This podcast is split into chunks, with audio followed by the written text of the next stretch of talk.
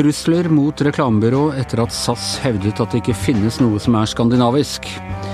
Og Trump tar kontroll over domstolene, fikk redusert straffepåstanden mot sin tidligere rådgiver Roger Stone. Dette er Gjever og gjengen, det er torsdag den 13. februar. Ja, øh, som vi husker i øh, det eviggående realityshowet som er amerikansk politikk for tiden. Forrige uke ble Donald Trump frikjent av øh, Senatet i riksrettssaken mot ham. Bare én republikaner stemte for at han skulle dømmes. Det var Mitt Romney. Susan Collins, en av de litt mer liberale republikanerne som det var knyttet en viss spenning til hva kom til å stemme, hun hevdet etterpå at hun mente at Trump hadde lært av riksrettssaken, og at han nå ville være mer forsiktig. Og Trump ble spurt om dette tidligere denne uken. Hva har du lært av riksrettssaken? Uh, uh. Ja, det var det han lærte av den, og han har da benyttet sjansen til å, må vi kunne si, tilta seg enda større makt i president... Uh, embetet. Det ble kjent på mandag at hans tidligere rådgiver Roger Stone, den sjette av Trumps tidligere rådgivere eller medarbeidere som da ble stilt for retten. Det var Aktor kom til å legge ned påstand om ni års fengsel for å ha løyet for etterforskere og Kongressen. Da protesterte Trump på Twitter. Justisdepartementet grep inn i saken sa at dette var en altfor drøy påstand. Fire aktorer trakk seg i protest mot at Justisdepartementet blandet seg inn, og Trump takket Barr, Barr altså, som er justisminister, for å ha blandet seg inn, og han har også spekulert offentlig på om han kommer til å benåde Roger Stone. Hanne Skartvedt, nå spør jeg deg egentlig som jurist, og, og som har studert statsvitenskap i USA. Er dette, er dette, unikt? Har det skjedd noe lignende i amerikansk politikk? Dette er ikke det USA vi kjenner. USA er jo kjent for institusjonene, for checks and balance, og hele systemet er bygd opp for å holde kontroll med presidenten. Nå ser vi en president som tiltar seg mer og mer makt, og tar seg til rette på en måte som systemet ikke er forberedt på. Nei, jeg kan ikke huske at vi har sett noe lignende noen gang i amerikansk historie. Og noe av det eh, helt unike og pussige, pussige hvis vi kan bruke et sånt ord, er jo at det er republikanerne som jo egentlig har vært de som har vært mest opptatt av å begrense makten til presidenten, tradisjonelt sett. Man har sett liksom store, ekspansive eh, presidentskap som Roosevelt og en del sånne sørstatsguvernører og sånn, som man har ment har tiltatt seg altfor mye makt. Og det har vært republikanerne som har prøvd å begrense dem. Ja, og jeg er spent på hva historien sier om 10-20 år fra nå, om de republikanerne som bare har kastet alle prinsipper over bord og støtter opp om en president som de som utgangspunktet står for ting som de aldri ville stått for. Jeg skjønner ikke hvordan de kan se seg sjøl i speilet, for å være helt ærlig. Hva tror du, Hans Petter Sjøli? Nei, det er det samme. Det er jo det er jo skremmende. Det er jo litt Det er jo en del folk som har sagt at det kommer til å gå den retningen. Da, at han tiltar seg mer makt og, og liksom bryter inn på områder som han egentlig ikke har noe med å gjøre. Så det er jo USA er jo et checks and balances-system, ikke sant. Og, og presidenten eh, er, jo ikke egenrådig. Jeg er jo ikke allmektig. Eh, men det virker som nå at han har ganske fritt spillerom til å gjøre mer eller mindre hva han har eh, lyst til å gjøre sjøl. Ja, det er åpenbart at han, har, han ser på denne frifinnelsen som et mandat, og, og det kan man jo forstå. Altså, det er tydelig at når ikke bare én eneste republikansk senator stemte mot han, så betyr det at han kontrollerer dette partiet 100% Men har det også utviklet seg til en borgerkrigslignende tilstand? Altså, man må jo si at ni års fengsel for falsk forklaring er en veldig streng straff. For en mann i ståens alder så betyr det nesten resten av av livet. Er det sånn at liksom domstoler, myndigheter, de forskjellige etatene nå er i krig mot hverandre? Jeg tror ikke at domstolen på en måte er i en sånn krigstilstand. Husk at straffenivået generelt er jo mye mye høyere i USA enn det er eh, i Norge, f.eks. Og i hvert fall mitt håp er at domstolene fortsatt holder stand og dømmer etter det som er lov og rett. Eh, ja. Han er jo dømt for flere ting. altså Det er jo påvirkning av uh, vitner, altså av uh, og motarbeida etterforskninga. Så det er jo ganske sånn, det er en pakke han for så vidt er dømt for. da. Så det, og og, og påstanden var vel fra sju til ni år, eller noe sånt, så det var jo ikke så drakonisk egentlig heller. Men at presidenten liksom går inn på Twitter og liksom sier at nå må han få satt ned, det er jo, det er sånn som ikke, det, det hører jo ikke hjem i, i våre type samfunn. da. Det er jo, det er jo i, i helt andre sfærer i verden sånt foregår. Det er jo rart om det ikke kommer flere reaksjoner fra innad i Justisdepartementet også, tenker jeg, hvor det jobber masse embetsfolk som ikke er innsatt av, av, Trump og ikke tilhører eh, hans, uh, uh, hans administrasjon. Det setter seg vel en frykt der òg. Det er en som heter Joshua Munch, som er akademiker, som har skrevet mye om hvordan demokratier kan forvitre og på en måte gradvis gå fra demokrati til autoritære systemer. Og et av hans hovedpoenger er at i begynnelsen, hvis du får en, altså en president som bryter det som er vanlig, i begynnelsen så vil skikkelig folk gå inn, prøve å holde det på plass, på en måte, prøve å beskytte systemene, institusjonene, mot denne som har tatt makten. Og så etter hvert så vil de som gjør det, For mye kjeft, blir skitna til av den som sitter på toppen, og av sine omgivelser, og de blir kasta ut og slutter. Så etter hvert så vil du miste de flinke folka, og det tror jeg kanskje også er i ferd med å skje i USA. At de flinkeste enten blir kasta ut av Trump, eller går ikke lenger inn der. Og det setter seg nok en frykt nedover institusjonene når folka på toppen etter hvert er den type folk som vi nå ser. Vi kan også nevne da at uh, etter uh, at uh, riksrettssaken var over, så har han da gitt sparken til to av de som stilte opp og vitnet i Representantenes hus, Windman og, og Sondland som en sånn åpenbart reaksjon på at de gjorde det de er forpliktet til etter Grunnloven, nemlig stille seg opp og, og forklare seg for de folkevalgte. Og som de avlegger en ed eh, for å, fortelle sannheten. Nå ser vi at nå, de, nå er det Justisdepartementet handler om. For en stund siden så var det Forsvaret, Pentagon, hvor det var en soldat som var stilt for krigsrett for, eh, for brudd. Han hadde drept en eh, soldat i Irak. Som også fulgte helt vanlig prosedyre inntil Trump begynte å blande seg inn, tvitre, gi beskjeder, hvor han også da ikke fikk den straffen han skulle ha. Fikk til og med beholde denne Navy pin, som er en veldig sånn stolthet eh, som, som Forsvaret selv mente han skulle miste. Så han, han går jo løs på institusjon etter institusjon, Donald Trump. Ja, og det er uh, interessant å se hvor, hvor, sterke disse institusjonene er. Hvordan tror dere dette vil spille inn på valget? Foreløpig så er det jo fortsatt så ser det ut som Trump kan komme til å, å vinne. Han har jo stor oppslutning blant sine egne. Vi ser et USA som blir mer og mer splitta, hvor også blant vanlige folk så er det enten den ene siden eller den andre siden, og vi ikke har noe å gjøre med motparten. Jeg vil ikke si at han er mer populær enn noensinne, men han er mindre upopulær enn noensinne. Han nærmer seg 50 eh, approval-ratingstreken. Den har han ikke vært på siden eh, innsettelsen.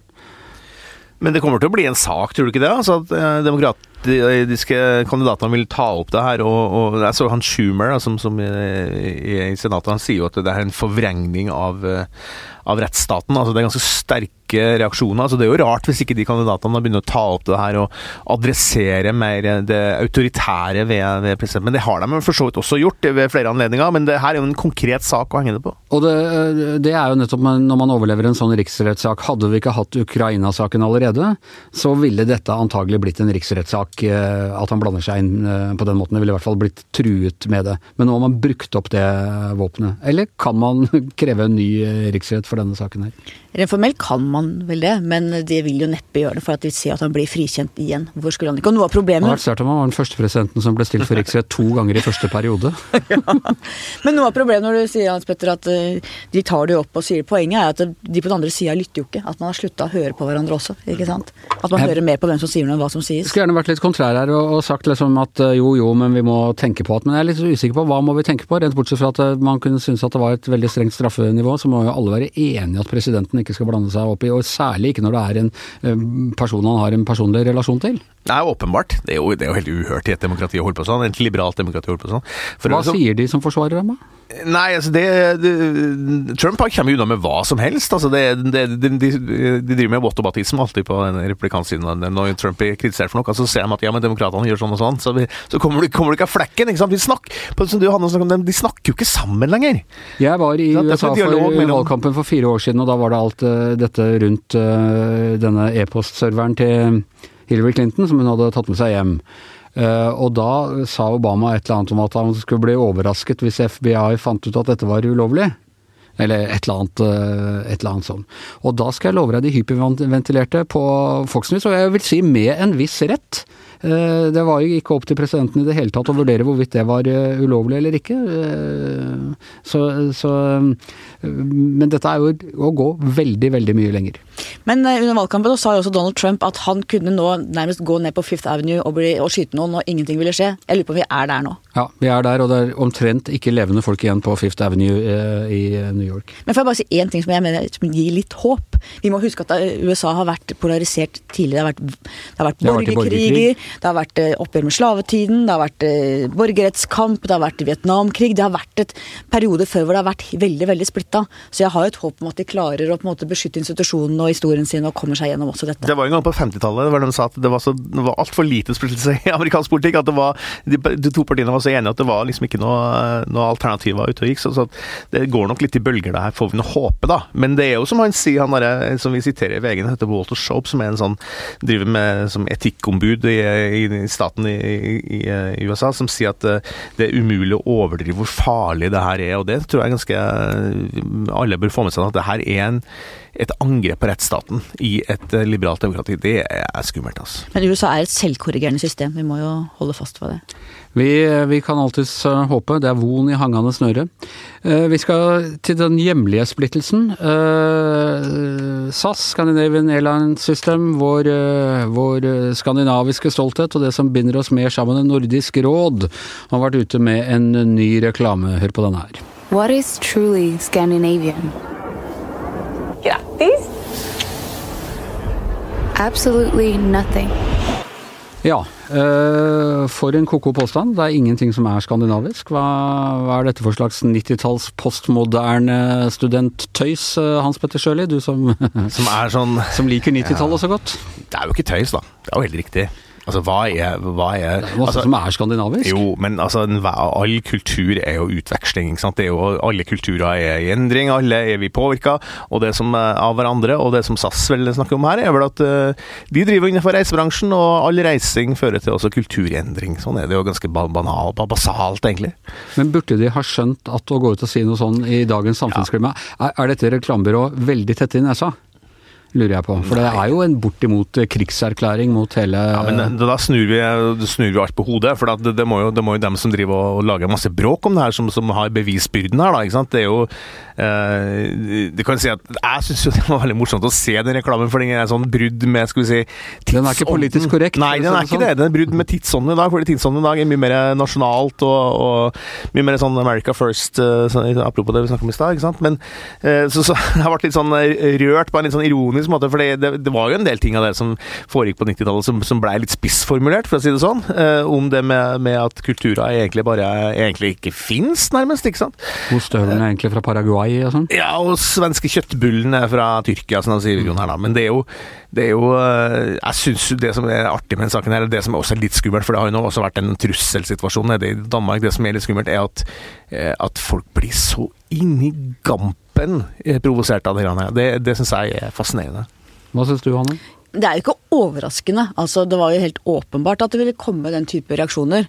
Eh, og, det var, og jeg tror ikke de skjønte at det var en provoserende påstand. De som laga det, det er litt overraskende, for så trakk de den jo. Og så kom de tilbake, men da hadde de tatt ut noen av de mest kontroversielle punktene. altså Hele greia er jo veldig klønete håndtert. Jeg blir på en måte litt imponert over eh, reklamebyråer som da Det er litt som Benetton på, hvis dere husker dem på 80-tallet, som gikk inn og lagde sånne veldig kontroversielle reklamebudskap, og du tenkte hvordan i all verden kan dette selge gensere, det lager jo bare, bare friksjon. Men så er det, eh, i dagens sånn opphetede stemning, så er dette faktisk ikke helt ufarlig. eh, å lage en sånn reklame. Vi ser altså at det kom trusler i dag. Er det en ny, potensiell ny sånn Muhammed-karikatursak, dette her?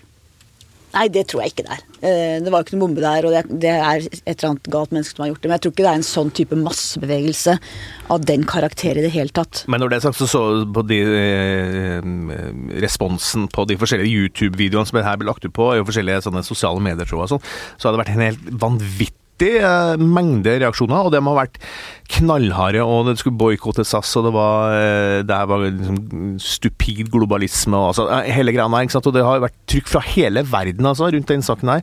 Og så kan du si at eh, ja, den var kanskje litt, litt liksom eh, Rar. Sminka litt rar, den reklamen, men, men samtidig så, så er det jo en reklamefilm, da. Og reklamefilmer skal jo ikke inneholde sannheten. Nei, Det er, jo det ikke, er- det er jo ikke nødvendigvis sånn at eh, Hva heter det med i VG-reklamen at dagen er ikke den samme uten VG? Mm. Ja, kanskje vet vi noe om det. Liksom. Det, det er jo bare en, en gimmick. Det er jo det er en måte å selge eh, i- De tror da at det her vil da få folk til å fly mer. Da. Det er jo kanskje ikke så Jeg bra. blir veldig jeg- sinna hvis folk sier at dagen er helt den samme uten VG. og Da tar jeg et Poen- Poenget er bare at, at de skal ikke forvente at reklamefilmer er da vitenskapelig korrekte, for å si det sånn. Men det er ikke tvil om at den kom inn i et debattklima som er veldig betent, og så kan du diskutere hvor, hvor klokt er det? Ja, du, du kan lure på hvor klokt det er, men hvor er vi når det er farlig å si noe sånt?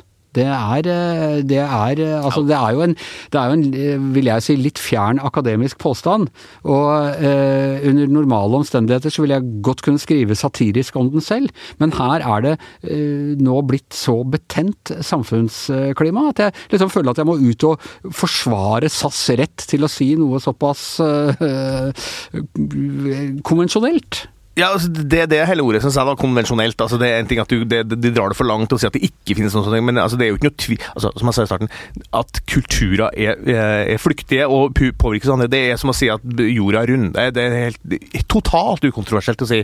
Og så drar de det selvfølgelig litt langt, og det blir litt, du får det svenske greiene oppi alt. at Det har liksom litt, blitt sånn at de svenske liksom, det at de snakker ned seg sjøl, har liksom blitt den mest svenske attributten av alle. ikke sant? Eh, men, men altså, det at, Og som du sier, Anders, at det her nærmest blir farlig. At, at folk er villige til å liksom Noen har altså nærmest å ty til vold for en sånn. Det, det er jo bare helt absurd. Hvor, hvordan i all verden har vi kommet dit? Det er utrolig trist hele greia. Jeg er også veldig lei meg for at vi er der. Men det er litt som vi snakka om i stad med Trump. ikke sant? At det er et klima nå, debattklima i verden som Jeg vil forsvare SAS sin rett selvfølgelig til å sende ut den type reklamer. Men det er utrolig trist når du ser reaksjonsmønsteret, og når du ser hvilket fest det der det skaper. Ja. Kulturkrig, vi husker hvor den kom fra, og hva den førte til i sin tid, uten at jeg skal dra de parallellene for langt. Ehm, men med det så tror jeg at vi sier at eh, vi er ferdig for i dag. Men eh, først, Hanne, du skal få reklamere for din egen podkast. Ja! Nei, jeg er tilbake med mine Skartveit-podkaster, og jeg har nå lagt ut i dag en med professor ved Forsvarets høgskole, Øystein Tunsjø, som snakker om Kina og USA, den sikkerhetspolitiske situasjonen vi er i nå. Og han er veldig god, veldig direkte. Jeg bare vil anbefale. Du lærer mye av å høre Tunsjø i dag, altså. Men er det like alvorlig som det at SAS har sagt at ostehøvelen ikke er svensk? Nei, det er ikke så farlig med Kina. Og du skriver om det til, til helgen også? Jeg skriver om det til lørdag. Jeg har gått inn i akademi, altså selvsensur i akademia rundt omkring i den vestlige verden, som også er kjempeinteressant. Ja. Og um, uh, podkasten ligger ute nå? Ja. Så den kan du laste ned på der du vanligvis laster ned alle disse podkastene. men da er Giæver og gjengen over for i dag. I studio Hans Petter Sjøli, Hanne Skartveit, Anders Giæver og vår heilnorske ostehøvel bak spakene, Magne Antonsen.